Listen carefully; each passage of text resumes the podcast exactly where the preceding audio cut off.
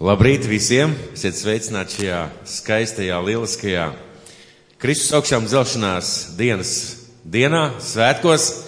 Un es gribētu visus draudzus sveikt ar to sveicienu, kas jau daudz gadus, gadu, gadu simtus varētu tā teikt, Kristīgajā baznīcā skan lieldienu rītā. Un tie vārdi ir Kristus ir augšām cēlies. Kristus ir augšām cēlies. Kristus ir augšām cēlies. Man liels prieks jūs visus šeit sveikt un tiešām Kristus ir augšām cēlies, viņš ir dzīvs, viņš valda debesīs un uz zemes. Viņš ir mūsu dzīvē, viņš ir mūsu vidū, viņš ir kopā ar mums un viņš kā mūsu labais glābējs, kā mūsu gans, kā mūsu brīnišķīgais dievs, viņš ir mūsu vidū. Es gribētu jums nodot arī sveicienus no mūsu apvienības bīskapa. Viņš zvanīja un teica, ka lai es visiem jūs novēlu spēcīgus un svētītus un Dieva un Kristus augšām celšanās spēku piepildītus šos te svētkus. Tāpēc lai, lai sveiciens jums arī no mūsu bīskapa. Svētruna, ar kur šajā dienā dalīšos, būs sauksies Viss piepildīts. Šī svētruna būs viss piepildīts. Un man gribētos teikt atkal un atkal šos vārdus viss piepildīts. Tie ir pēdējie vārdi, ko Jēzus runā šajā savā nāvis brīdī. Viņš saka Jāņa evaņģēlijā tādus vārdus. Nomirstot pie krusta, viņš saka tādus vārdus. Jāņa evaņģēlijas pēdējā nodaļa Jāņa evaņģēlijā. Un šie vārdi ir tādi.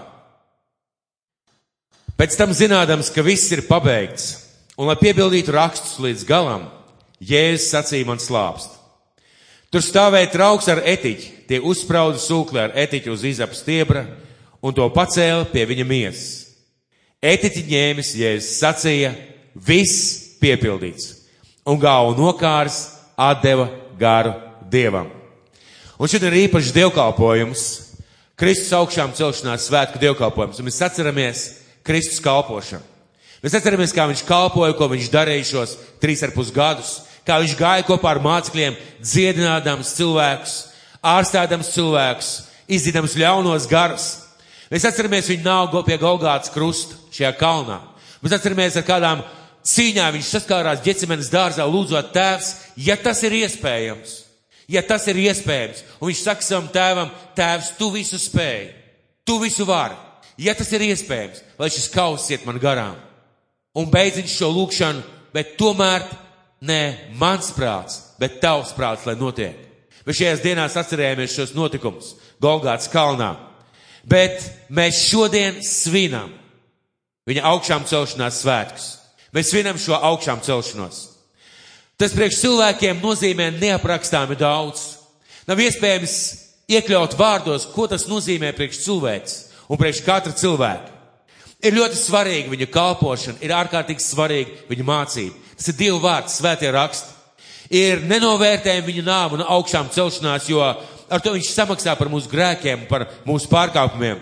Bet viņa augšām celšanās ir vainagojums visām, tā ir uzvara. Šī augšām celšanās ir uzvara pār visu, kas mūs saistīja pie nāves. Pār visu, kas varbūt kaut kādā veidā mūsu pers cilvēks traucēja un kas varbūt gribēja kaut kādā veidā Jēzu aizkavēt. Un ar to Jēzus parāda, ka viņš ir Dieva dēls. Ar šo augšām celšanu viņš parāda, es esmu Dieva dēls. Ka viņam pieder vara pār nāvi un pār grēku. Un ka viņam pieder mūžīgā dzīvība. Es šodien gribētu īpaši runāt par pēdējiem vārdiem pie šī krusta. Tātad Jāņa evaņģēlis jau lasēju, bet ķētet ņēmis, Jēzus sacīja, viss piepildīts. Un galvu nokārs atdara garu Dievam. Ko nozīmē šie vārdi? Ko nozīmē šie vārdi? Divi vārdi - viss piepildīts. Bet šajos vārdos ir ietverts viss no pasaules radīšanas līdz pēdējiem, pēdējiem atnie, Kristus atnākšanas mirklim. Viss piepildīts. Kas piepildīts? Kas piepildīts? Ko Jēzus domāja, sakot šos vārdus? Tie bija pēdējie vārdi, kurus viņš teica. Ko tas nozīmē Kristum? Ko nozīmē Kristum? Ko priekš viņa nozīmēja? Pat ne pateikt vārdus, bet teikt šos vārdus tēvam, viss piepildīts. Un ko tas priekš mums cilvēkiem nozīmē šie vārdi, ko Jēzus teica? Un Jēzum Dieva dēlam. Tas nozīmē, ka viņš ir pabeidzis savu misiju, ka viņš pabeidzis sev uzticēto ceļu. Un par spīti pretestībai, par spīti visām lietām, ko viņš piedzīvoja, viņš aizgāja līdz galam. Viņš aizgāja līdz galam, atdodam savu dzīvi un atdod uzticējam savu dzīvi savam tēvam. Viņš piepilda savu debesu tēva gribu. Arī tas ir piepildījums. Viņš piepilda tēva gribu, nomirdams pie krusta. Un viņš uzvarēja sevi un uzņēmās mūsu grēkus uz sevis. Viņš uzvarēja sevi. Mēs jau runājām par šo pēdējo cīņu. Bet mums cilvēkiem, man un tev, ko nozīmē šie vārdi, viss piepildīts. Tas nozīmē, ka viss ir piepildīts. Tas nozīmē, ka viss ir sagādāts. Tas nozīmē, ka viss, kas vajadzīgs manai un tavai dzīvei, tas viss mums ir. Tas viss mums piedara. Viss, kas vajadzīgs mūsu laimei, to Kristus ir atnesis. Viss, kas nepieciešams mūsu augšanai, lai mēs pilnveidotos, to Kristus ir devis. Un visa Dieva apsolījuma un visas svētības mums cilvēkiem ir dotas. Vārds viss ietver sevi visu. Tas nozīmē, viss, kas man ir vajadzīgs, man ir vajadzīgs Kristus, viņa augšām celšanās spēks, un tas viss man to manā dzīvē ar, nu, atnes.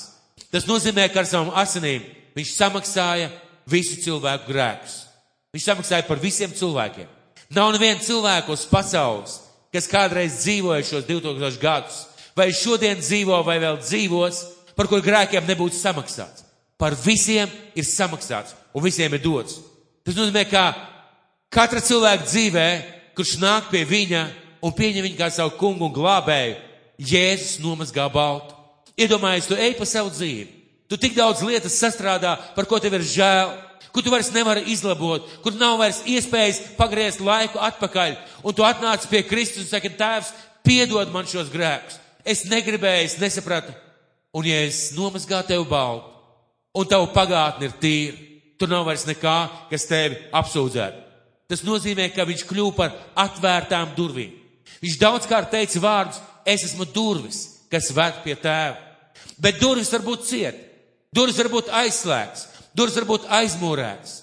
Bet viņš parādīja, ka viņš ir atvērtas durvis, kas ved pie tēva. Ka mēs neesam vairs vieni paši šajā pasaulē, ka mūsu mīlošais tēvs ir kopā ar mums. Un tajā laikā, kad viņš kalpoja, ebreja tauta uz Dievu skatījās kā uz lielo varano, radītāju, mūžīgo, visspēcīgo, visu zinošo. Un kad viņi izrunāja Jahves vārdu, viņi pirms tam mazgājās, pēc tam mazgājās. Viņi ar bību izrunāja šo vārdu, bet jāsaka tik vienkārši. Jūsu tēvs debesīs. Kad jūs lūdzat Dievu, sakiet, mūsu tēvs debesīs. Viņš atver šīs durvis un parāda, cik ļoti tēvs vēlās būt kopā ar mums. Viņš parāda, ka mēs varam būt tēva bērni. Ka mēs ik viens varam būt mūsu tēva mīlošie un mīlamie bērni. Un ka viņš mūsu dzīvē ienes mieru un prieku. Ka Dievs mūsu dzīvē ienes mieru un prieku. Tas nozīmē, ka viņš ik vienam, kas tic, dāvā mūžīgo dzīvību. Un reizēm šis termins, mūžīgā dzīvība, viņš ir kļuvis par tādu kā teicienu, par leksiku, par baznīcas izteicienu, ko tas nozīmē mūžīgā dzīvība. Tieši to tas arī nozīmē, ka līdzīgi kā Kristus pēc nāves cēlās augšā, mēs celsimies augšā. Tas nozīmē, ka mana dzīve nebeidzās 80, 90 vai 100 gados. Tas nozīmē, ka kopā ar Dievu es dzīvošu mūžīgi. Un būs pagājuši simts gadi, es skatīšos atpakaļ uz savu dzīvi un es domāšu, par ko es uztraucos, par ko es kreņķējos. Kristus ir sagādājis šo mūžīgo dzīvi. Paies 500 gadi, 1000 gadi, un mēs joprojām dzīvosim. Kas dzīvos kopā ar Dievu? Tie, kuri pieņēmuši viņu un atzinuši viņu par savu kungu un glābēju. Tas nozīmē, ka visas slimības, visi lāsti, visas vainas, visas apsūdzības raksti tika pienegloti Jēzus miesā pie krusta. Kristiet, vai tu dzirdi? Tas nozīmē, ka pār tevi nevalda lāsts. Pār tevi nevalda slimības, pār tevi nevalda lietas, kas liekas reizēm neļauj tev pacelties no zemes un izplēst pāri. Tas nevalda pār tevi. Jēzus vārdi, viss piepildīts, nozīmē, ka tev dot pilnīga brīvība, bet tev šī brīvība ir jāstver. Tas nozīmē, kā svētie raksti saka, un svētie raksti kādā vietā saka, Pāvils vēstulē romiešiem, viņš saka tādu, tādus vārdus. Ko nu sacīsim par visu to? ja Dievs par mums, kas būs pret mums? Viņš jau savu paša dēlu nav saudzējis, bet to par mums visiem nodevis nāvē. Kā tad viņš līdz ar to mums nedāvinās visas lietas? Kas vēl apsūdzēs Dieva izredzētos? Vai Dievs, kas mūs taisno? Kas mūs pazudinās? Vai Kristus Jēzus, kas ir nomiris, vēl vairāk, kas ir augšām cēlies un ir pie Dieva labās rokas, kas arī mūs aizstāv? Kas mūs šķirs no Kristus mīlestības? Vai ciešanas, izbailes, vajāšanas, bats, plikums, briesmas vai zobens? Gluži kā ir rakstīts. Tevis dēļ mēs ciešam nāvu augu dienu, mēs tiekam turēti līdzīgi kaujamām avīm. Nē, visās šīs lietās mēs pārpārējiem paliekam uzvarētāji. Tā spēkā, kas mūs mīlēs. Tāpēc es esmu pārliecināts, ka ne nāve, ne dzīve, ne eņģeļi, ne varas, ne tagad, ne nākotnē, ne spēki, ne augstumi, ne dziļumi, ne cita kāda radīta lieta mūs nevarētu šķirt no Kristus mīlestības, kas atklājusies Kristu Jēzu mūsu kungā. Tas nozīmē, ka mūs nekas nespēja šķirt no Dieva. Nekas, neviens un nekādā veidā. Tas nozīmē, ka ik viens cilvēks var ticēt, gaidīt un paļauties uz mūsu dabas tēvu. Bet kā tas ienāk manā dzīvē? Kā tas ienāk manā dzīvē? Ja jau viss ir piepildīts, ja jau viss ir sagatavots, ja jau viss ir dots, ja Jēzus par visiem samaksāja un atbrīvoja cilvēkus, kāpēc šodien ir tik daudz cilvēku, kas dzīvo bez debesu tēva, kas nepazīst viņu personīgi, kas dzīvo, skatās nākotnē bez cerības, bez iespējas izlausties, bez piedošanas viegluma. Kas ir, kur ir problēma? Kāpēc tā ir, ka, ja viss ir piepildīts, un cilvēki tā nespēja dzīvot, daudz tā nespēja dzīvot, kur ir problēma? Un atkal atbildi dod svētie raksti, un runa ir par augšām celšanās stāstu. Lūkas evaņģēlijas 24. nodaļa, 9. līdz 11. pants. Un atpakaļ griežās no kapa, tās to visu pasludināja tiem 11 un visiem citiem. Un tur bija Marija, Magdalēna, Joanna, Marija, Jēkabmāte un citas ar tām, kas apustuļiem to sacīja. Un šie vārdi tiem izlikās kā pasaka, un tie viņām neticēja. Iedomājieties, šīs sievietes tikko ir bijušas pie kapa. Viņas ir raudājušas, skumušas, bēdājušās, un tad viņas redz eņģeļus, redz tukšo kapu un redz eņģeļus. Viņas atgriežas atpakaļ ar lielu prieku, ar sajūsmu. Es varētu teikt ar tādu fantastisku izjūtu, viņš ir augšām cēlies. Un viņi saka to saviem jēzus mācekļiem, šiem, šiem nopietniem vīriem, un viņiem tas izliekās kā pasaka, un viņi neticēja. Kā mēs justos, kad mēs redzētu tukšo kapu? Ja mēs šodien no šī mirkļa varētu pārcelties atpakaļ 2000 gadus atpakaļ un kopā ar šīm sievietēm paskatīties šajā kapā. Un ja mēs ar savām acīm redzētu šos eņģeļus spīdīšās drēbēs un dzirdētu vārdus, ko jūs meklējat miruši, dzīvo pie mirušajiem, viņš ir augšām cēlies. Kādas mums būtu sajūtas? Kā mēs domātu par to vēstu, ko mēs šodien dzirdam? Mēs droši vien būtu pārsteigti un, un izbrīnīti un laimīgi un priecīgi. Viņš ir augšām cēlies. Šiem vīriem tas izlikās kā pasaka. Un kāpēc? Lielais jautājums, kāpēc? Viņi personīgi to nebija piedzīvojuši.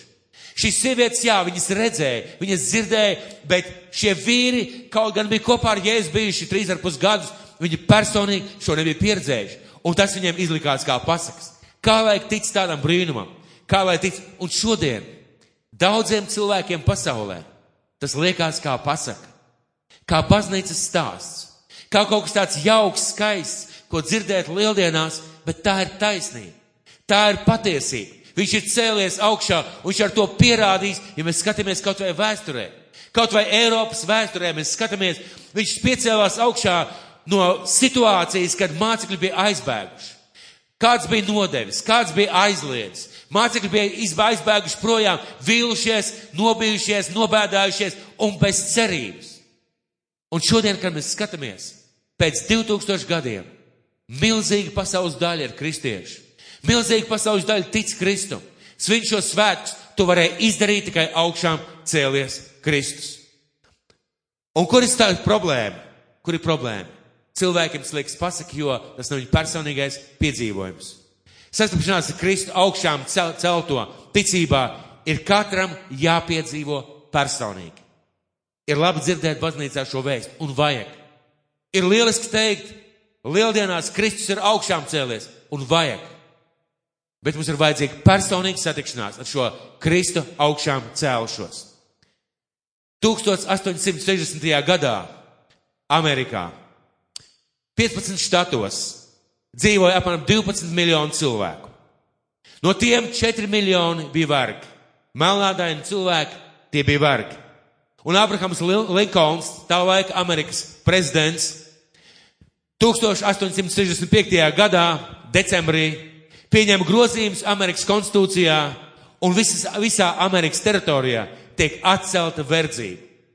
Tiek atcelta verdzība, tas nozīmē, ka tie cilvēki, kas gadu simtiem bija dzīvojuši kā normāla parādība, ka viņš ir vergs, ka tur neko nevar mainīt, ka tā tas ir, pēkšņi šie cilvēki kļūst brīvi. Viņiem tiek pasludināts, ka verdzība tiek atcelta, un tas nav pretlikumīgi turēt vergus. Un tomēr, un tomēr, Dienvidu štatos daudz cilvēku vēl gadiem ilgi dzīvo kā vergi bez cerības, bez nākotnes, bez iespējām uz labāku dzīvi. Viņi dzīvo kā vergi, brīvība ir pasludināta. Valsts likums to nodiktēs. Visiem tas ir jāievaro, bet daudz cilvēku joprojām dzīvo kā vergi. Kāpēc? Viņi vienkārši nezina. Viņi vienkārši nezina. Šie cilvēki nemāk lasīt. Viņi neiet uz senātu. Viņi nelasa avīzes. Tā laikā radio un telefons nav izdomāts. Šie cilvēki nezina. Un viņi dzīvo kā vergi bez cerības, cenšoties izdzīvot katru dienu. Šie cilvēki nezina. Un saimnieki šajos dienvidu štatos, viņi galīgi nav mierā ar šo lēmumu, ka verdzība ir atcelta. Un viņi nesaka saviem vargiem. Viņi to nesaka nevienam, viņi to patur pie sevis un neļauj saviem vargiem tikties ar pārējiem. Un viņi cenšas tādā veidā šos cilvēkus noturēt savā verdzībā. Un tieši tāpat, tieši tāpat šiem cilvēkiem tas liekas kā pasaka. Un, tie, un iedomājies, ka tu esi piedzimis kā vergs. Tu esi uzaudzis kā vergs, un tu strādā pie saimnieka. Un pēkšņi viens gudrais atnāk pie tevis kādā dienā un saka, zini, Amerikā vairs verdzības nav. Tu vari šodien sakravāt savas mantiņas un doties uz Ņujorku vai uz citu štātu, braukt, kur gribi. Vai tas neizliktos mums kā pasaka? Vai tas neizklausītos kā pasaka? Tas izklausītos kā pasaka. Un daudz no šiem cilvēkiem tā arī neatstāja savus saimniekus. Viņi nespēja iedomāties savu dzīvi brīvībā. Viņi nespēja saprast, ko nozīmē būt brīvam. Un viņu izvēle bija palikt pie šiem cilvēkiem un tā arī nomirt savā mūžā brīvam, bet kā vargam. Kāpēc es stāstu šo, past, šo stāstu? Jo Jēzus pasludināja brīvību no grēkiem. Jēzus pasludināja šo piedošanu un tēva mīlestību, bet daudz cilvēku nezina. Daudz cilvēku nezina to, un viņiem tas liekas kā pasaka. Daudziem kā pasaka. Daudz cilvēku nespēja iedomāties, ka var taču dzīvot savādāk un nesatver šo pilnīgo brīvību. Bet Jēzus pateica, viss piepildīts. Nav nekā uz šīs pasaules. Nav nekā uz šī pasaules, ko tavs tēvs tev nevarētu iedot. Nav nevienas lietas, kas tev varētu šķirt no Kristus mīlestības. Tikai tava izvēle, tava personīgā izvēle. Viss piepildīts tev, kristieti. Tev nav jādzīvo šaubās, bēdās, domājot par rītdienu vai šauboties vai skumstot. Viss ir piepildīts. Un tev, ja tu vēl šeit netic Kristum, tev arī jāzina, ka viss ir sagatavots, viss ir piepildīts. Uz Golgāts kalna bija trīs krusti. Uz šī Golgāts kalna bija trīs krusti. Un tajā dienā Ar nāvi tika sodīti trīs cilvēki - Jēzus Kristus un divi ļaundari. Un ļoti zīmīgi un ļoti svarīgi, ka svētējumu raksti mums saka, ka Jēzus Kristus, tikus, Kristus tika sists krustā pa vidu. Vienā pusē bija viens ļaundars, otrā pusē bija otrs ļaundars. Un interesanti, ka svētē raksts saka, viens no šiem ļaundariem, viņš zaimoja Jēzu. Un viņš saka vārdus, ja tu esi Dieva dēls, kāp zemē un atbrīvo arī mūs. Tādā veidā smejoties par Kristu arī pie šī Golgāts krusta. Otrs cilvēks, viņš rīkojās savādāk. Viņš saka Jēzum vārdus. piemini mani, kad tu nāks savā valstībā. Bija kaut kas tāds, kas bija piedzimis viņa sirdī. Bija kaut kas tāds, kas bija piedzimis viņa dzīvē. Šī cerība, šī ticība, ka tas varētu būt Dieva dēls, ka tas, ko viņš mācīja, tas, ko viņš sludināja, ka tā ir patiesība. Un šī cerība, šī ticība lika teikt viņam šos vārdus: piemini mani, ka tu nāksi savā valstībā. Un Jēzus atbild ir šokējoši. Vēl šodien, vēl šodien tu būsi ar mani paradīzē, jo pēc mirklīša atskanēs vārdi. Viss piepildīts. Un viss būs piepildījies. Bet Jēzus Kristus krusts ir pa vidu. Un, manuprāt, tas ir ļoti zīmīgi, ka viens zaimo, otrs lūdz piedošanu. Un šis Jēzus Kristus krusts šodien sadala pasauli divās daļās. Ja mēs varētu ieraudzīt šo ainu, mēs esam redzējuši kādreiz fotografijas zīmējumus. Ja mēs varētu ieraudzīt šo ainu, Kristus krusts pa vidu, viens pa labo, viens pa kreiso roku. Un šodien šis krusts pasauli sadala divās daļās. Viena daļa ir tie, kas nāk pie Kristus, saka, kungs piedod man manas grēkus, nomazgā mani baltu. Un viņiem piedara apsolījums. Vēl šodien es būšu kopā ar tevi, un tavā dzīvē viss ir piepildīts. Un otra cilvēka ir tie, kuri saka, tas nevar būt. Tās ir pasakas. Tā nemēdz būt. Tas ir vecs stāsts, 2000 gadu atpakaļ. Tas ir baznīcas stāsts. Tas nav aktuāls manā dzīvē. Nē, mīļie, tas ir aktuāli mūsu dzīvē. Vienmēr bija, ir un būs. Un pienāks diena, kad katra cilvēka dzīvē Jēzus Kristus krusts un nopelns nāve un augšām celšanās būs kā šķirtne. Un vieni aizies mūžīgajā dzīvībā, otra aizies mūžīgajā pazušanā. Viena aizies mūžīgā dzīvē kopā ar Dievu, otra aizies mūžīgā pazušanā. Un arī šeit ir tā šķirtne. Arī šeit uz zemes. Un daudz saka, gan jau es nomiršu, un tad jau redzēs. Arī šeit uz zemes ir milzīga starpība. Viena reizēm dzīvo varbūt trūkumā, Varbūt ne tik labi, kā gribētos. Varbūt ne tā, kā vēlētos, bet viņiem vienmēr ir cerība. Viņiem vienmēr ir teikt, Tēvs, piedod man manus grēkus. Viņiem vienmēr ir cerība, Kungs, nāc pie manis, palīdz man, man manās vajadzībās. Es nāku pie tevis, un viņiem ir šī cerība. Un otrs dzīvo ar domu, nekā nav. Nekā nav. Es nodzīvošu, un ar to arī viss beigsies. Un pienāks diena. Un jau tagad patiesībā ir šī diena, kad šis Kristus krusts, viņš sadala pasauli divās daļās. Viens dzīvo ar cerību un ar paļāvību, otrs dzīvo ar šaubām un nezināšanu. Un kam tu labāk gribētu noticēt? Atļauj man pajautāt tev personīgi jautājumu. Kam tu labāk gribētu noticēt? Tev ticīgam cilvēkam, tev kristiet, tev brāl māsas. Vai tu labāk gribētu noticēt, ka Jēzus Kristus krusts nav pilnīgs? Ka kaut ko viņš līdz galam neizdarīja? ka tev vienmēr ir jācīnās par sevi un vienmēr ir jāpanāk, ka Dievs kaut kādā veidā tev palīdz. Vai viss jau ir piepildīts? Tev pieder piedošana, tev pieder visi Dieva apsolījumi, tev pieder Dieva mīlestība. Un viss, kas nāk kopā ar viņu, tev tas pieder. Un tev cilvēku, kurš ir vēl ceļā, kurš ir vēl meklējumos, es gribētu tev pajautāt, kā tev gribētos labāk? Kam tu labāk gribētu noticēt? Tam, ka viņš ir dzīves un augšām cēlies, ka viņš tev mīl, ka viņš visu tev grib dot, ka viņš cēlies augšā par tevi un nomiris par taviem grēkiem, un ka viņš var izmainīt tavu dzīvi un iedot tev mūžīgo dzīvību, vai tam, ka nekā nav. Kā nav, viss beidzās, ka esi viens šajā pasaulē, ka tev nav cerības, ka tu ēd tāpēc, lai dzīvotu, dzīvot tāpēc, lai ēstu, Un katra nākušā diena kā brīnišķīga iespēja izmantot to priekš sevis. Vai tam tu gribētu labāk noticēt, ka tu esi gadījums šajā pasaulē, negadījums šajā laikā,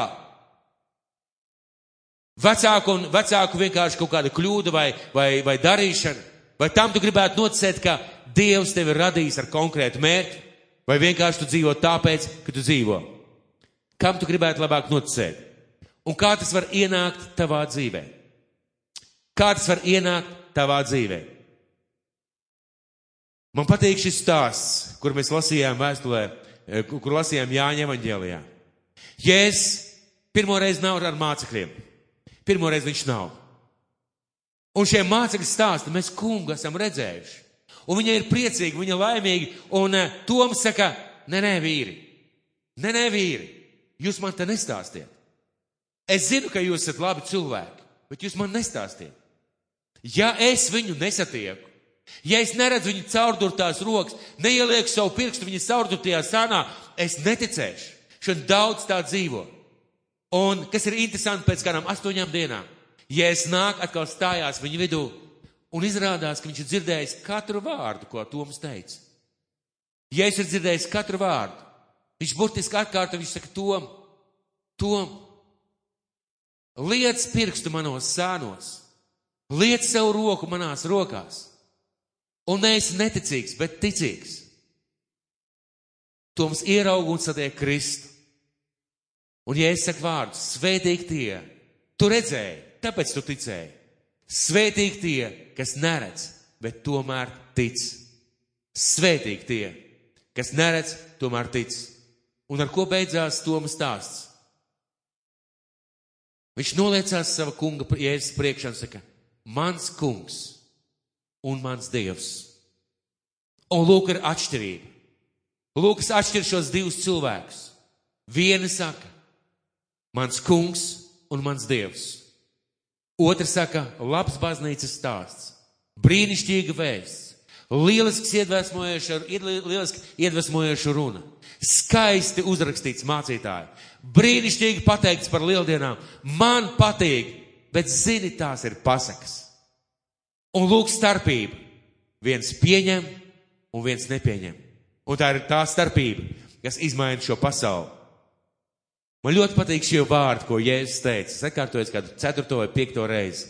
Viss piepildīts. Tas nozīmē, neviens un nekas man nevar šķirt no Kristus, ja es viņam esmu atdevis savu dzīvi. Tas nozīmē, ka viss, kas manai dzīvē ir vajadzīgs, tas ir viņa rokās. Viņām viss pieder, un viņš visu vēlās un var iedot. Un tas nozīmē, ka neviena cilvēka pasaulē nav tāda, kurā dzīvē nevarētu ienākt miers, prieks un Kristus uzvaras gavels. Un es gribētu lūgt par tiem, kas ir šajā zālē. Un pēc tam es arī aicināšu uz kādu īsu lūgšanu. Es vairāk kārtīgi teicu, ir brīnišķīgi dzirdēt šo vēstu. Ir lieliski pārlasīt katru reizi šos notikumus. Bet ir pavisam cita lieta, ka tas ir daļa no tavas dzīves. Un es gribētu lūgt par tiem, kas šeit šajā zālē sēž. Un es gribētu lūgt, lai šis Kristus augšām celšanās spēks, lai šī pārliecība, lai šī ticība ienāk ikvienu cilvēku dzīvē. Lai ticīgi cilvēki šajā zālē dzīvo bagātu dzīvi, dzīvi, kur nodrošina jēzus augšām celšanās. Un lai ik viens, kurš vēl nav ar savām lūpām teicis, kungs Jēzu ienāc manā dzīvē, kļūst par manu kungu un par glābēju, lai spētu pateikt šos vārdus. Debes Tēvs, mēs Tev pateicamies par šo dienu. Kungs, paldies, ka šajā dienā mēs varam svinēt Tavus augšām celšanās svētkus. Mīļais Dievs, Tu esi nācis šo pasauli, Tu esi nācis šajā laikā pie saviem cilvēkiem, un Tu esi samaksājis par mūsu grēkiem. Un Tu, Tēvs, esi cēlies augšā caur savu dēlu. Jēzus, cēlies augšā, un Tu parādīji, ka Tu esi Dieva dēls. Un, mīļais kungs, Tu pārdalīji šo pasauli divās daļās. Kungs, paldies Tev, ka mēs varam būt tie cilvēki, kas Tev mīl, kas Tev pazīst, kas Tev redz. Bet svētais gars. Tur šajā zālē ir cilvēki, kuriem šīs vēsts ir kā tāla atskaņa, kuriem šī vēsts ir kā laba lieldienu vēsts, kuriem šī vēsts neko personīgi nenozīmē. Jēzu ienāca viņu dzīvē. Kungs pieskaries un uzrunā. Un debes tēvs, lai tavs svētais gars, lai tavs svētais gars aizskar šo cilvēku dzīves. Un lai šīs liedienas kļūst par pagrieziena punktu viņa dzīvē. Tu lūdz tev tēvs Jēzus vārdā. Amen.